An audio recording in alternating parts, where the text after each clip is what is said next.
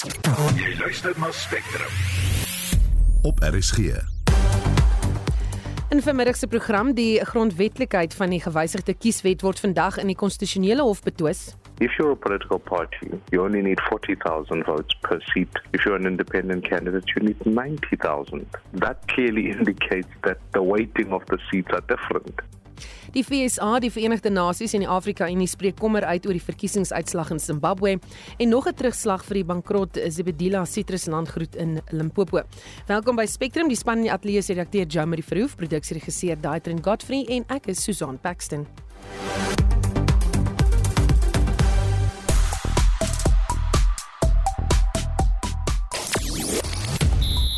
Drie debutante in Australië se elftal vir môre se eerste T20 wedstryd teen die Proteas en Suid-Afrika se Lloyd Harris begin sy veldtog by die Amerikaanse Tennisope.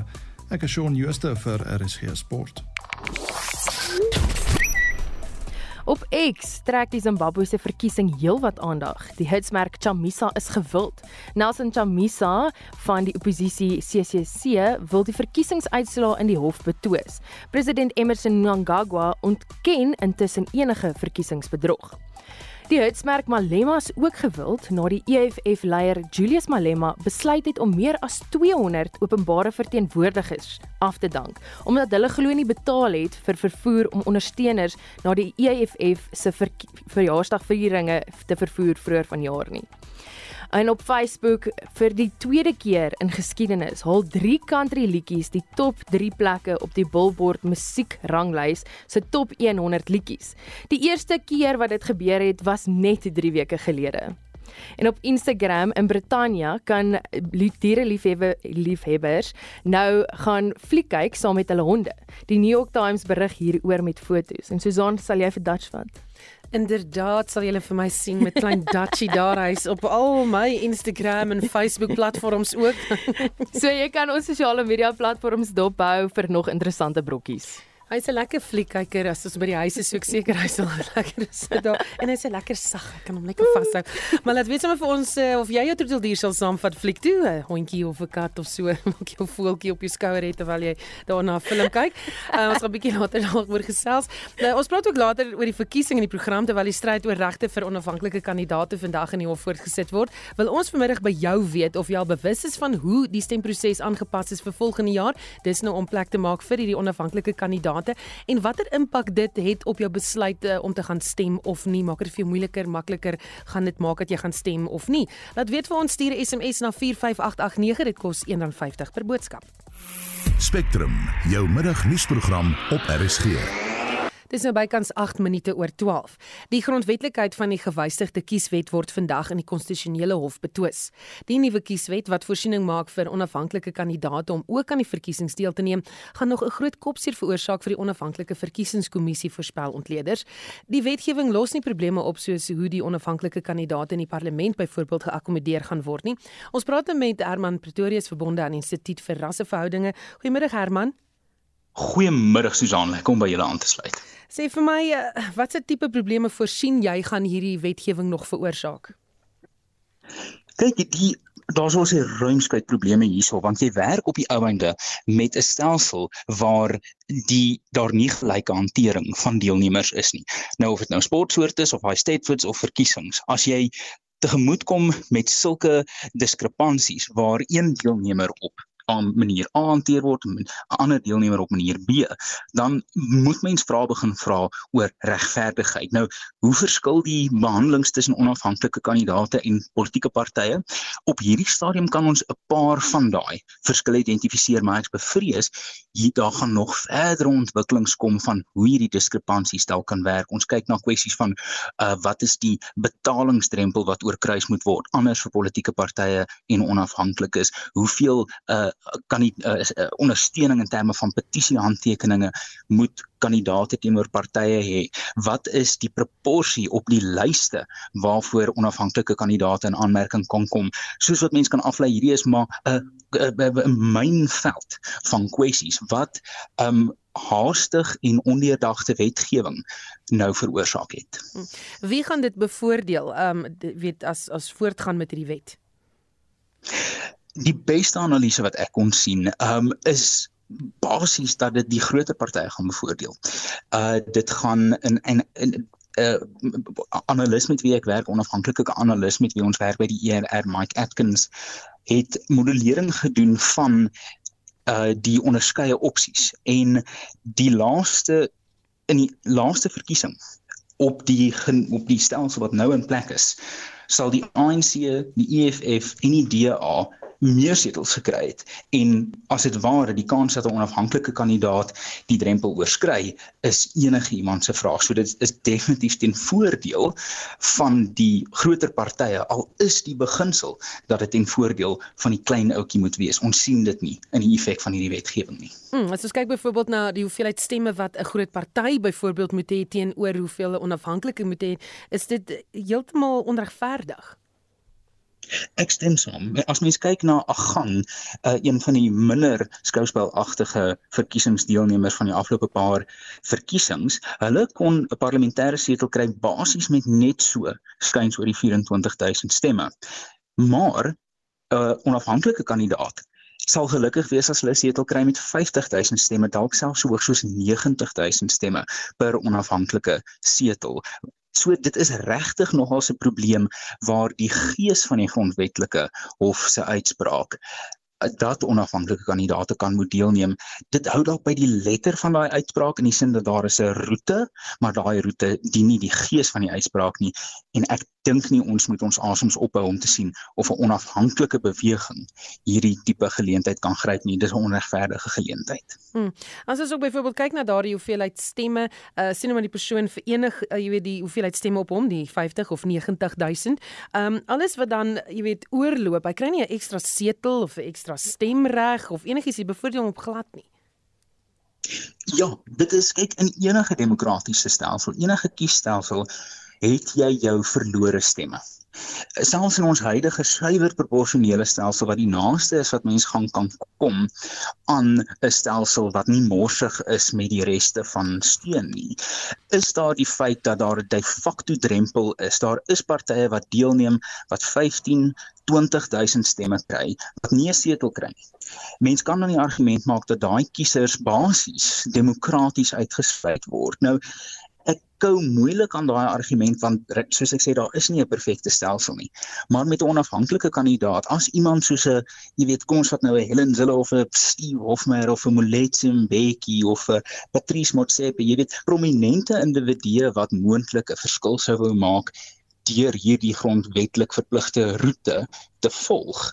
Sit mens met 'n situasie waar daar duisende honderde duisende stemme gaan verlore gaan meer as wat daar tans doen in die stelsel. En dit kom net vir my vreeslik morsig voor. Dan praat ons nie eers oor wat gebeur sou 'n onafhanklike parlementslid bedank sterf of geskort word nie want jy dan is daai setel basies tot niet in 'n manier. So ek moet sê die parlement uh, het het hier ons beland in 'n situasie waar dit onelegant en regtig um onnodig uh, ongemaklik vir die kiezer gaan wees wat ook al die uitslae vir onafhanklike kandidaate mag wees. Hmm, ek wil nou net sê want dan jy weet soos die proses nou staan is dit ook onregverdig teenoor die kiezer want dan kry jy nie waarvoor jy gestem het nie.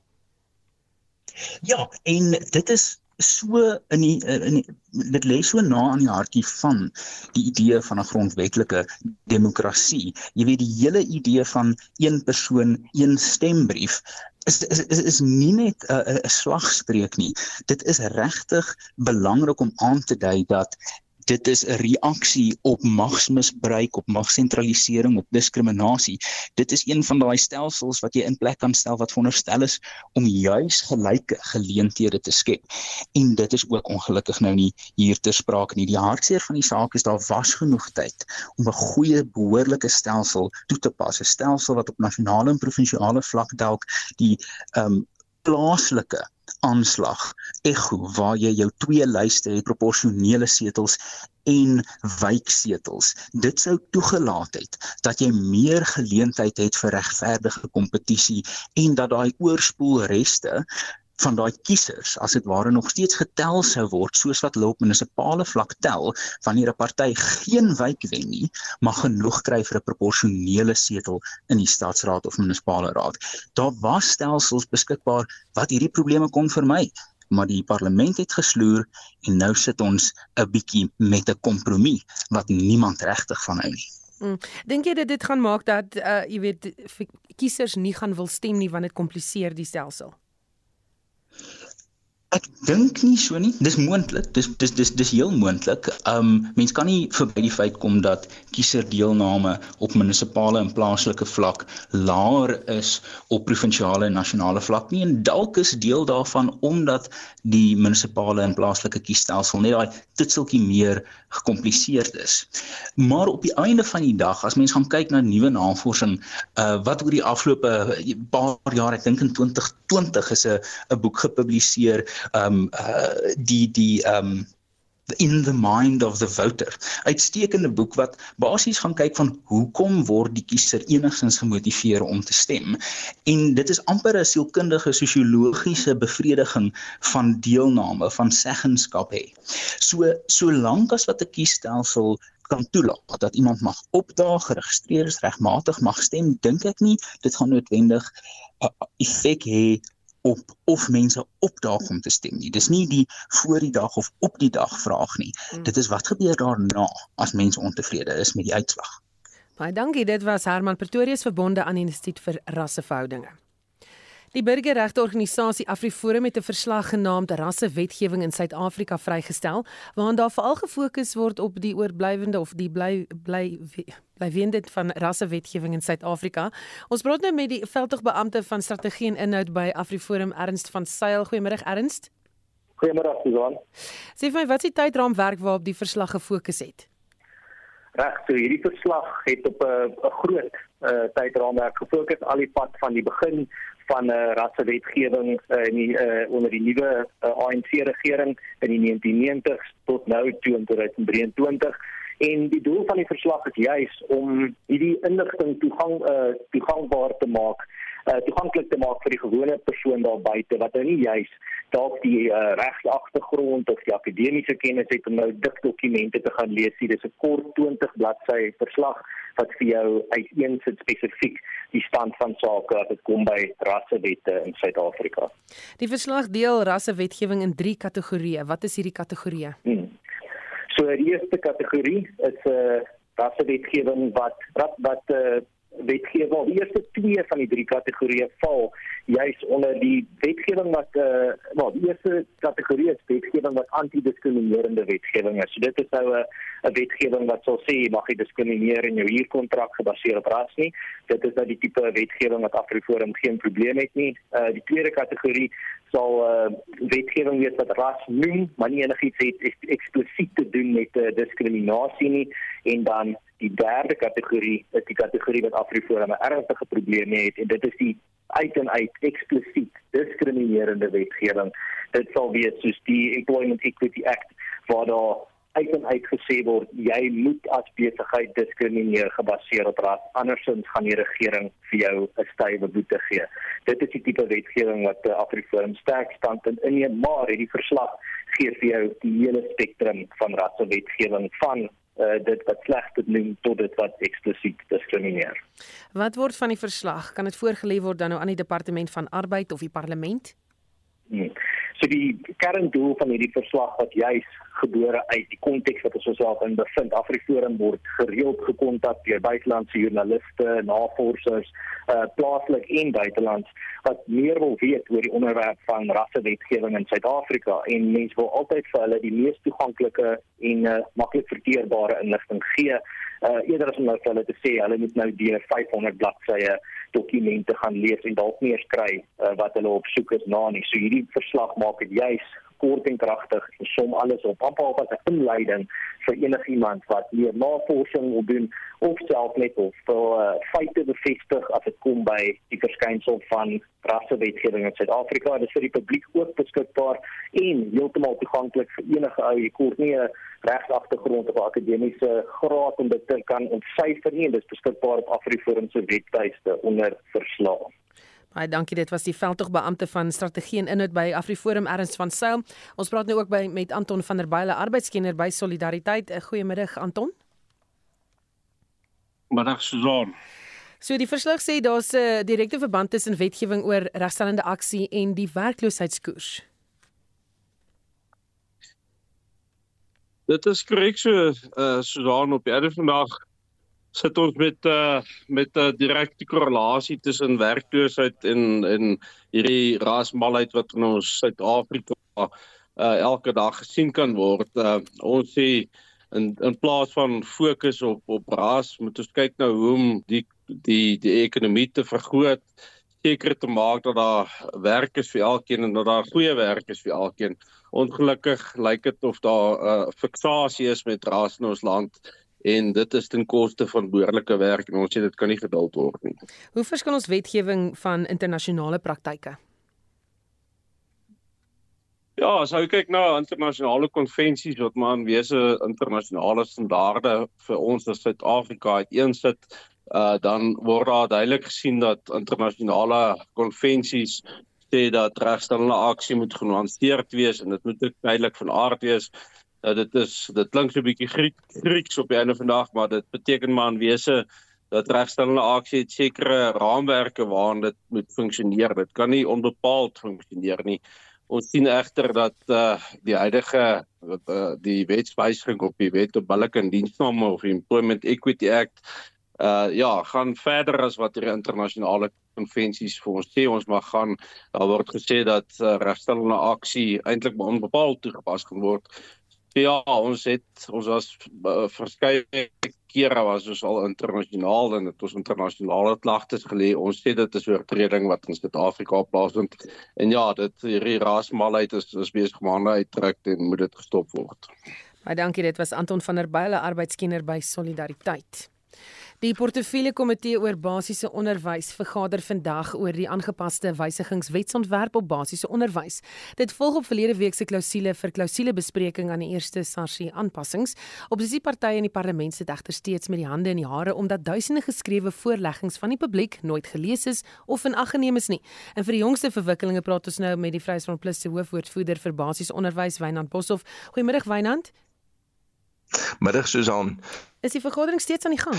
En uh, dit is nou nie hy ontbind kan jy nou glo verlede week Dinsdag het die vergadering 'n quorum verloor omdat die oppositie op grond van hierdie uh versuim om die openbare deelname uh jy weet al die voorleggings te hanteer uh die vergadering verlaat het toe is daar nou vandag van die uh, regsadviseur se kant af verslag gegee en ons het weer die saak geargumenteer en gesê maar jy kan nie 6000 of 9000 hang af wie tel. Uh voorleggings maar net eenvoudig ignoreer asof dit nie plaasgevind het dan nie opsloop. Uh en hoe weet ons of die mees geniale oplossing nie tussen daai 1000 of 6000 uh voorleggings is nie. En uh op grond van die advies en die deelname van die uh, oppositie se kant af het die voorsitter toe die vergadering ontbind tot volgende Dinsdag. En ek vir jou gevra het wat gebeur dan nou verder? Ja, nou met daai hoeveelheid voorleggings gekry word, hulle moet behoorlik uiteengesit word. Ons het so 'n verslaggie wat dan maar net min of meer sê, okay, soveel mense was daar voor, soveel was daar teen, soveel gedeeltelik en dan lig dit sekere hoogtepunte uit. Baie mense is teen hierdie aspek of baie is teen daai aspek, maar ons wil 'n matriks hê wat behoorlik sê, hierso is 'n kwessie, soveel voorleggings het daaroor om uitgespreek. Daar is die volgende kwessie, soveel voorleggings het dit daaroor gehad. Dit moet vir alles gedoen word, maar dan nou natuurlik vir al vir hierdie 6000 of hoeveel ook al voorleggings wat wat geïgnoreer is. Uh so die die uh parlement het nou 'n week om daardeur te werk en dan volgende Dinsdag ons vergader, dan kan 'n mens dit in ag neem en op grond daarvan.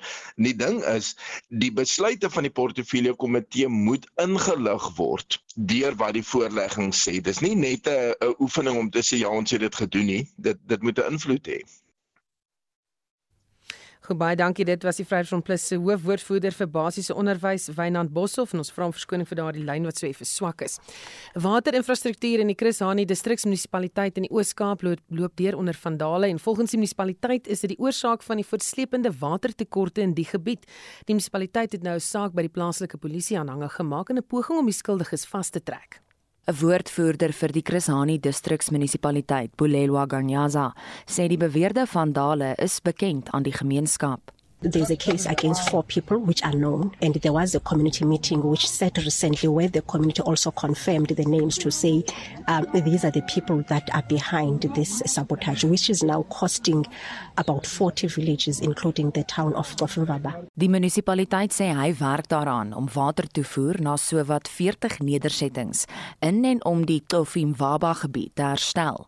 Maar volgens 'n gemeenskapslid, Momelezi Bingwa, word net sekere gebiede geprioritiseer. All these villages are served by the Ngocha Dam and their water supply is through water pipes that runs past our village. But we do not have water even though we are closer to the dam, whereas other villages that are far get water consistently. That means we are not being prioritized by the municipality. Die polisie vra die gemeenskap om paraat te wees en om enige verdagte aktiwiteite by die plaaslike polisie aan te meld. Die verslag van Sidimam Feku in die Oos-Kaap. Ek is Joan Marie Verhoef vir SAK nuus.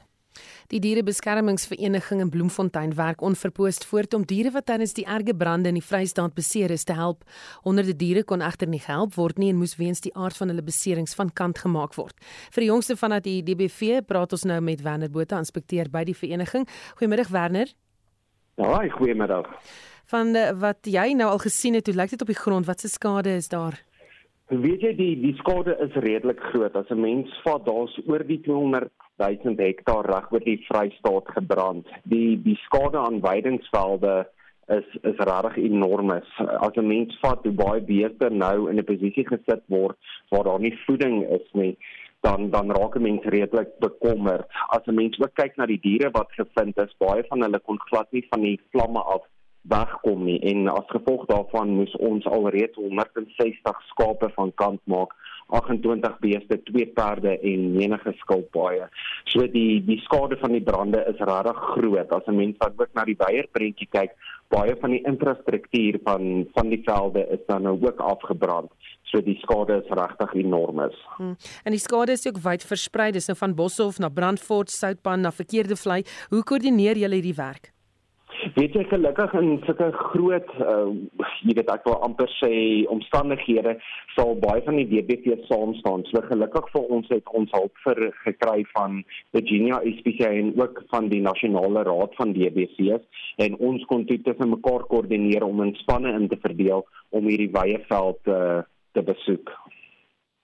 So dit is nou brandseisoen, maar het jy al ooit so 'n brand ervaar? Weet jy hierdie is beslis een van die die ergste brande wat ek in my loopbaan gesien het. Ek dink die enigste brand wat soortgelyk is is die brande wat mense 'n paar jaar terug in Jagersfontein gesien het. As veral as 'n mens kyk na die die verlies van diere is hierdie soortgelyk. Hmm. En waar op hierdie stadium is die meeste nood? Weet jy die areas is nog aktief, maar wat ons regtig gesien het wat wat aangaan is as 'n mens regtig wil hulp verleen moet 'n mens kyk na na die boere. As 'n mens nie voeding begin deurkry na daai mense toe nie, gaan 'n mens in die in die kort en die langtermyn met 'n baie groter probleem sit. As 'n mens vat vir al van die weidingsvelde vat 'n paar jaar om regtig op 'n punt te kom waar waar beeste regtig weer kan by. So op hierdie stadium dink ek die hulp wat verleen moet word is beslis aan die geaffekteerde boere. Hmm. En sê vir my Werner, dit kan nie maklik wees om hierdie te sien nie. Wat is die impak op julle geestesgesondheid? Weet jy, ek dink mense is in so 'n punt van adrenalien. Jy jy probeer maar aangaan, maar my my vrou het eintlik nou die dag 'n baie interessante stuk kommentaar gegooi. En dis as ons by die huis kom, die die roet van van hierdie brande sit aan jou klere, dit sit aan jou kouse, dit sit aan jou hare en dis 'n reuk wat jy net nie van jouself af afkry nie. Maak nie saak hoe hard jy probeer nie. En 'n mens kan voel jou jou voete is is seer. Jy weet jy jy is nie in die die beste by as jy van die van die brande afkom en jy jy so 160 ure van kant maak nie en jy jy kort maar 'n uur of twee net net om na jouself ook te kyk. Sjoe. Baie dankie. Dit was Werner Botha, inspekteur by die Dierebeskermingsvereniging in Bloemfontein. Jy luister na Spectrum op RSG. Nog in die nuus, duisende pikkewyne vrek weens Antarktika se see-ys wat smelt. Die aanlyn aansoekproses vir die plasing van graad 1 en graad 8 leerders in Gauteng se skole open volgende week en 'n man van Mpumalanga vertrek binnekort op 'n 10 jaar lange padreis vir bewusmaking oor beenmurgsiektes. Bly ingeskakel. Daar is geen verkeer. In die Wes-Kaap, Kaapstad op die N2 stad uit by Nieuweg, staan 'n voertuig, die linkerbaan word versper. In KwaZulu-Natal op die N3 Wes na die afrit by Pieter Brown Rylaan, staan 'n voertuig die in die linkerbaan. In Gauteng op die N1 suid na die Brakfontein wisselaar, staan 'n voertuig, die linkerbaan is versper. In Mpumalanga op die N4 by Malalaan wisselaar was daar 'n ongeluk. Die linkerbaan is gesluit. Stuur verkeersnuus na 45889 teen R1.50 per SMS. Ons het vroeër gepraat oor die kiesstelsel en die nuwe kieswet en gevra of dit sal maak dat jy sal gaan stem of dalk nie sal gaan stem nie. Um, 'n luisteraar wat sê ek sou dit oorweeg het om vir 'n onafhanklike kandidaat te stem, maar sal nou eerder vir die moonshot pack stem, dis hy veel party koalisie en nog 'n luisteraar wat sê nee wat ek hou by my besluit om nie te gaan stem nie, het geen behoefte daarvoor nie. Ek sal nie vir die eerste en die beste party stem om die een of ander uit te hou nie, sê hierdie persoon. Jy kan steeds saamgesels. 45889 onthou SMS se kos R1.50. Shaun Jooste sluit by ons aan vir die jongste sportnuus. Goeiemôre Shaun. Middag Susan. Goed, kom ons uh, kan begin maar eh, ek het nie nou hierdie stukkie hier voor my nie. Wat van die eerste nuus wat daar op jou lys is? Ag, uh, Susan, ons kyk eers na die cricket nuus. Nou die uh, eerste T20 wedstryd tussen die Proteas en Australië word natuurlik môre aan 6uur in Durban gespeel en al drie T20 wedstryde in die reeks word op Kingsmead in Durban gespeel. Die Proteas se laaste internasionale T20 reeks was in Maart teen die Windies wat hulle ook dan verloor het. En daar is nou vrese dat die Proteas nie wedstryd fiks is nie, maar kom ons hoor wat die draaibouler Tebray Shamsi hieroor sê. There's pros and cons to that. As we can see, you know, with Australian guys who have been playing a lot of cricket, they've got a number of guys that are that have injury concerns where we don't necessarily have that sort of uh, a problem. But having said that, regular game time and especially the intensity of international cricket, you know, not having played for a while, could be something like that. But we've been put through our paces. Honestly, these dark circles under the eyes, they're not natural. We've been working very hard, a lack of sleep and stuff like that. So I think we'll we'll be good. Daar is drie debutante in Australië se elftal vir die eerste wedstryd. Hulle is Matthew Short wat die aanvangskolwer saam met Travis Head is, dan Aaron Hardy, een van vier veelsidige spelers in die span en ook Spencer Johnson, een van die snelbouers. Nou die Aussies het die laaste paar maande in verskeie formate gespeel en beserings in die kamp hoop op, maar Head is egter nie bekommerd nie. Guys are going coming from different places. See the guys coming through the Ashes with a couple of weeks off, guys coming in straight from the hundred. So yeah, prep's been good. Training again today has been really good. Obviously some new faces, but with the experience within the group, I think it's one of the strengths of this group is to be able to go in and out of formats, in and out of training, and and be able to prepare really really well. Nou die eerste ronde van die Amerikaanse tennis oop het reeds 'n paar verrassings opgelewer. Kom ons so op Suid-Afrika se Lloyd Harris is vanaand aan die wenkant. Ja, Harris kom vanaand in die Argentyn Guido Pella te staan. Nou Harris het die kwart eindronde hier in 2021 al maar kon nog nie dieselfde vlak behaal sedert sy terugkeer na 'n lang tyd op die krikkelys nie. En Pella is wel nommer 203 in die wêreld, maar verbeter ook met elke toernooi sedert sy terugkeer ook na 'n lang na 'n lang besering. Nou is ook 'n paar sokkerwedstryde wat voorlê. Ja, in die DStv Premier Liga takel SuperSport United en Golden Arrows mekaar vanmiddag 5:00 en 0:30 met Orlando Pirates teen Cape Town City Kragte en Fulham speel kwart voor 9 teen Tottenham Hotspur. Nou dis die grootste wedstryd in die klompie Engelse Liga beker wedstryde wat vanaand plaasvind. Baie dankie, dit was Shaun Jooste met die sportnuus op Spectrum. Spectrum, jou middagnuusprogram op RSG. Nou nuus uit die buiteland, die FSA, die Verenigde Nasies, die Afrika Unie en die Suid-Afrikaanse Ontwikkelingsgemeenskap het kommer uitgespreek oor die verkiesingsuitslag van die Zimbabwese verkiesing. President Emmerson Mnangagwa van ZANU-PF is vir 'n tweede termyn verkies. Amerika sê opposisiepartye is in die tydperk voor die verkiesing bevooroordeel. Die FSA het ook gevra dat die Zimbabwese verkiesingskommissie stemlokale se uitslae beskikbaar stel om die vertroue in die stemproses te herstel. Die SAK se show en Bryce Peace berig. The US government also strongly condemned the intimidation and disruption of lawful election observation in accordance with the Electoral Act, arguing that those arrests prevented efforts to independently verify ZEC announced results. The US also indicated that threats directed at the SADC observer mission were dangerous and called on the Zimbabwean government to cease these inflammatory and unacceptable attacks. Dit was die SAK se verslaggewer in New York, Shawn Bryce Peace. Die Verenigde Nasies se sekretaris-generaal Antonio Guterres vra vir 'n vreedsame en deursigtige oplossing vir enige teenkanting teen die geldigheid van hierdie verkiesing. Guterres het 'n kommer uitgespreek oor die inhegtenisname van waarnemers en beweringe dat kiesers geïntimideer, gedreig en aangerand is. Ons praat nou hieroor met Solidariteit se hoof vir internasionale betrekkinge, Jaco Kleinhans. Goeiemôre Jaco. Goeiemiddag Susan. Die FSA, VNNA het kommer uitgespreek teen die verkiesingsuitslae. Hoe groot impak het dit?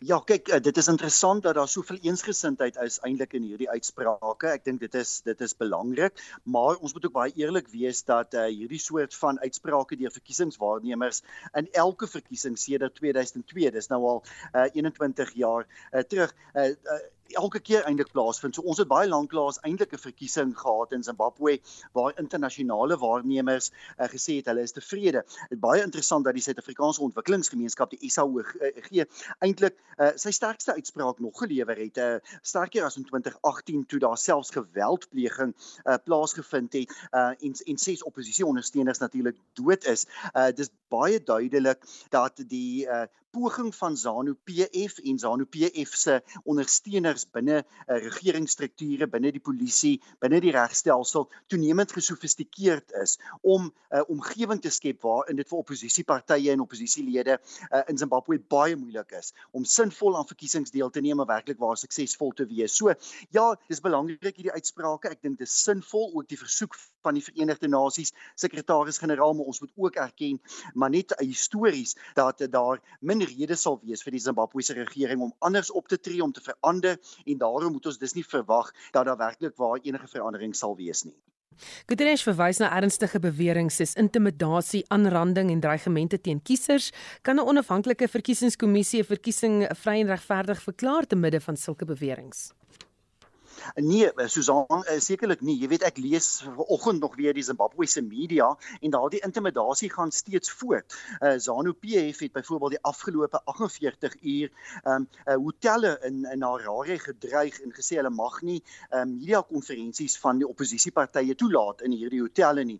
Ons sien steeds dat uh, uh selfs uh, oppositiekandidaate wat verkies is tot die parlement die afgelope dag of twee gedreig is en hierdie intimidasie, hierdie klimaat van vrees is iets wat al van die begin van die jaar af aankom. Ons het gesien die die pogings om oppositiepartye se byeenkomste, by verkiesingsbyeenkomste te onderdruk. Uh Saterdag was daar 'n media konferensie van Nelson Chamisa, die hoofoppositieleier, waar die polisie skielik gestop het en die hele media konferensie opgebreek het. Daar was voortdurende intimidasie, maar wat ek ook sê is dit is op baie meer gesofistikeerde wyse waarop oppositie steun nou onderdruk word. Want die verkiesing het ZANU-PF byvoorbeeld toegang gehad tot kieserslyste, oppositiepartye het nie toegang gehad nie. En as jy mooi die uitslae gaan ontleed, dan is dit baie duidelik dat veral op die platte land, veral op plekke waar ZANU-PF se steun baie sterk is, daar 'n uitsonderlike hoë stempersentasie was. ZANU-PF ondersteuners byna almal gaan stem het. En dan in die stedelike gebiede soos Harare en Bulawayo, laaste stempersentasie, stemlokale 10 of 11 ure laat geopen en natuurlik baie oppositiekiesers wat uiteindelik ontmoedig is om te stem en die oppositiepartye wat baie moeilik mense by die stembus kon kry. Sê vir my wat voorspel 'n tweede Mnangagwa termyn vir Zimbabwe?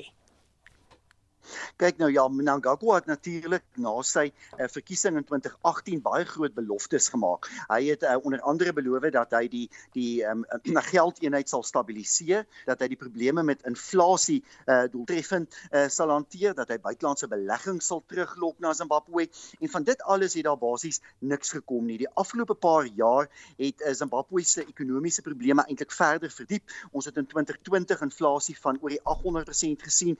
Nou in Augustus uh, 77% wat steeds geweldig hoog is. Uh, Zimbabwe is agterstallig met 13 miljard dollar uh, se betalings uh, op buitelandse lenings. Die internasionale monetaire fonds, die Wêreldbank wil nie meer leen nie. Die sanksies wat Mnangagwa beloof het, hy sal heronderhandel, uh, sanksies deur die Verenigde Koninkryk, die Europese Unie, Amerika, Australië, ander lande. Dit is steeds in plek. Ons sien weinig buitelandse beleggings. Jy weet die enigste land waar daar regtig buitelandse beleggings na Zimbabwe kom is uit China en dit gaan suiwer oor die litiummyne in in in Zimbabwe wat eintlik in groot mate deur China tans beheer word en wat bitter min werk skep vir Zimbabweërs of regtig welvaart na Zimbabwe bring. So ja, ek dink die afgelope 5 jaar, die eerste termyn van Emmerson Mnangagwa was 'n tragedie vir Zimbabwe gewees. Werkloosheid het toegeneem, die ekonomiese probleme het toegeneem, die isolasie van Zimbabwe het het het voortgeduur en ek dink die volgende 5 jaar gaan ongelukkig dieselfde wees. Ons kan nie sien hoe daar skielike toename sal wees in noodsaaklike buitelandse beleggings nie, hoe sanksies opgesê gaan word nie. En ja, dit is dis baie slegte nuus vir Zimbabweërs en dit is ook eintlik jammer hoekom dat Suid-Afrika redelik stil is hieroor want dit het natuurlik groot gevolge ook vir Suid-Afrika. Baie dankie het gepraat met Solidariteit se hoof van internasionale betrekkinge, Jaco Kleinhans. Begunstigdes van die Zebedila Citrus landgoed in Limpopo vra dat die polisie die onlangse vlaagbrande by die multimiljoen rand se landgoed ondersoek sodat die skuldiges vasgetrek kan word. Drie brande het binne 1 maand uitgebreek. Aanmenay Eckart berig dat die grootskaalse skade aangerig is. Ike Kekana beweer daar het nie net waardevolle verpakkingsmasjinerie afgebrand nie, maar dat elektriese kabels en rekenaars ook gesteel is. Die jongste brand het Sondag uitgebreek. Die plaas ondervind sedert 2016 finansiële probleme weens beweerde wanbestuur. Kekana wil hê die bates van die landgoed moet beskerm word. The companies of Bedela Fruits has been liquidated. The, the, the liquidators, wherever they are, they might be talking to creditors, saying, creditors, come, let's know how much are you being owed. Any asset that is there should be protected. So that the creditor find it maybe can get 200 from any assets and give it to any creditor. But anything that suggests that they are doing this to undermine the the liquidators well it's the work of the police. Kikana dring daarop aan dat die beweerde brandstigting deur die polisie ondersoek moet word. We are pleading with the South African police, especially the Bedela police, to act without fear and favor and talk to everybody in that farm and arrest those that are doing these things.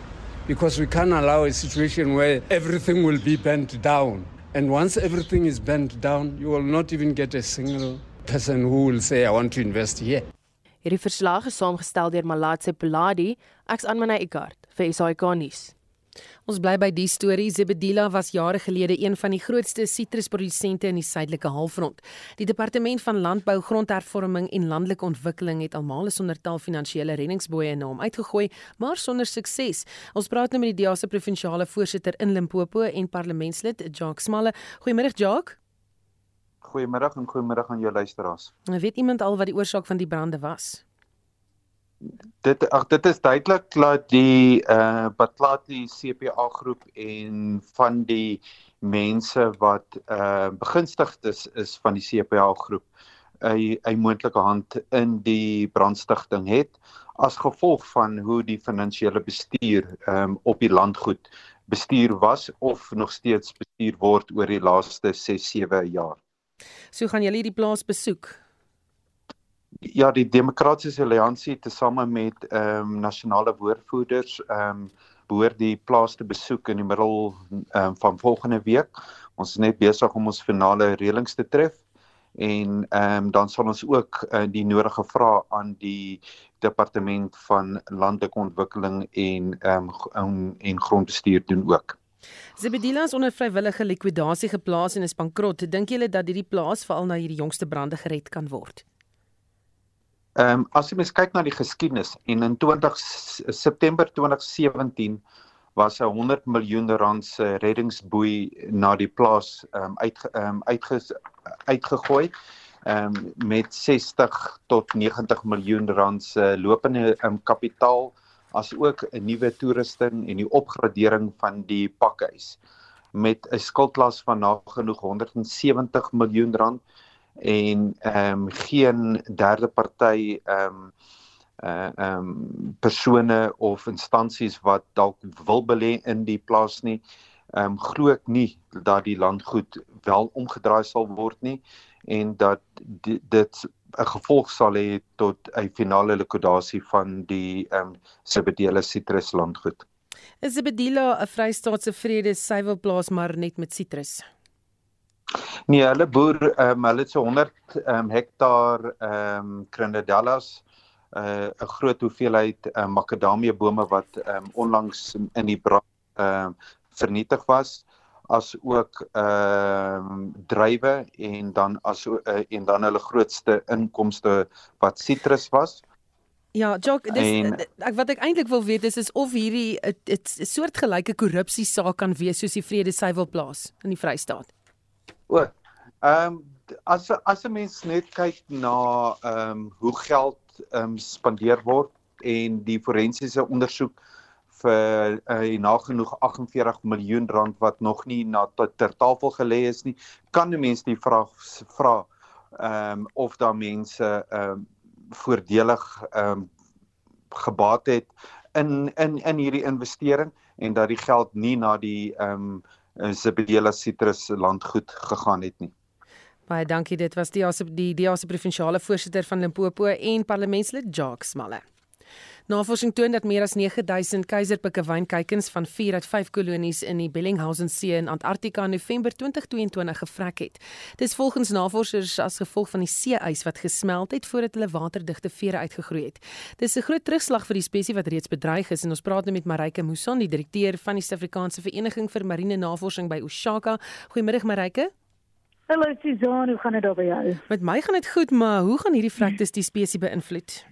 Ja, weet jy wat, as ek nou net 'n bietjie dink aan die in die keiserpikkewyn, wat is die grootste pikkewyn spesies? Dit kom net in Antarktika voor. Jy weet hulle kan tot omtrent 1.2 meter lank word. So dis dis 'n ongelooflike uh, seevoël. En dit is ook die enigste spesies wat gedurende die Antarktiese winter broei. En hulle moet tussen 50 en 120 km nou beweeg oor hierdie die vaste ys of die see-ys om na die broeikolonies toe te kom en die wyfie lê net een eiertjie wat die mannetjie dan uitbroei. En hierdie pikkewyne kan omtrent 20 jaar oorleef in die natuur. Nou onder normale toestande oorleef net omtrent 19% van hierdie keiserpikkewyn kykentjies in hulle eerste lewensjaar want dit is maar dis wat taaf vir daardie in die suidpool. Maar hmm. nou sien ons hierdie katastrofiese teelmislukkings en dis opgelet want dit was nou die die laaste somer 2020 22 somer is gesien deur 'n satellietfoto's van hierdie kolonies en dis meestal aan die weste kant van Antarktika waar dit elke jaar bietjie meer en meer en meer warmer word. So hierdie keiserpikkewyn kolonies is baie ehm um, op die winter vaste ys wat wat nou solied gevries is en aan die land vasgeheg is. Uh, van die herfs tot tot in die somer begin dit op te breek, maar weet dis dis hulle area waar hulle moet broei.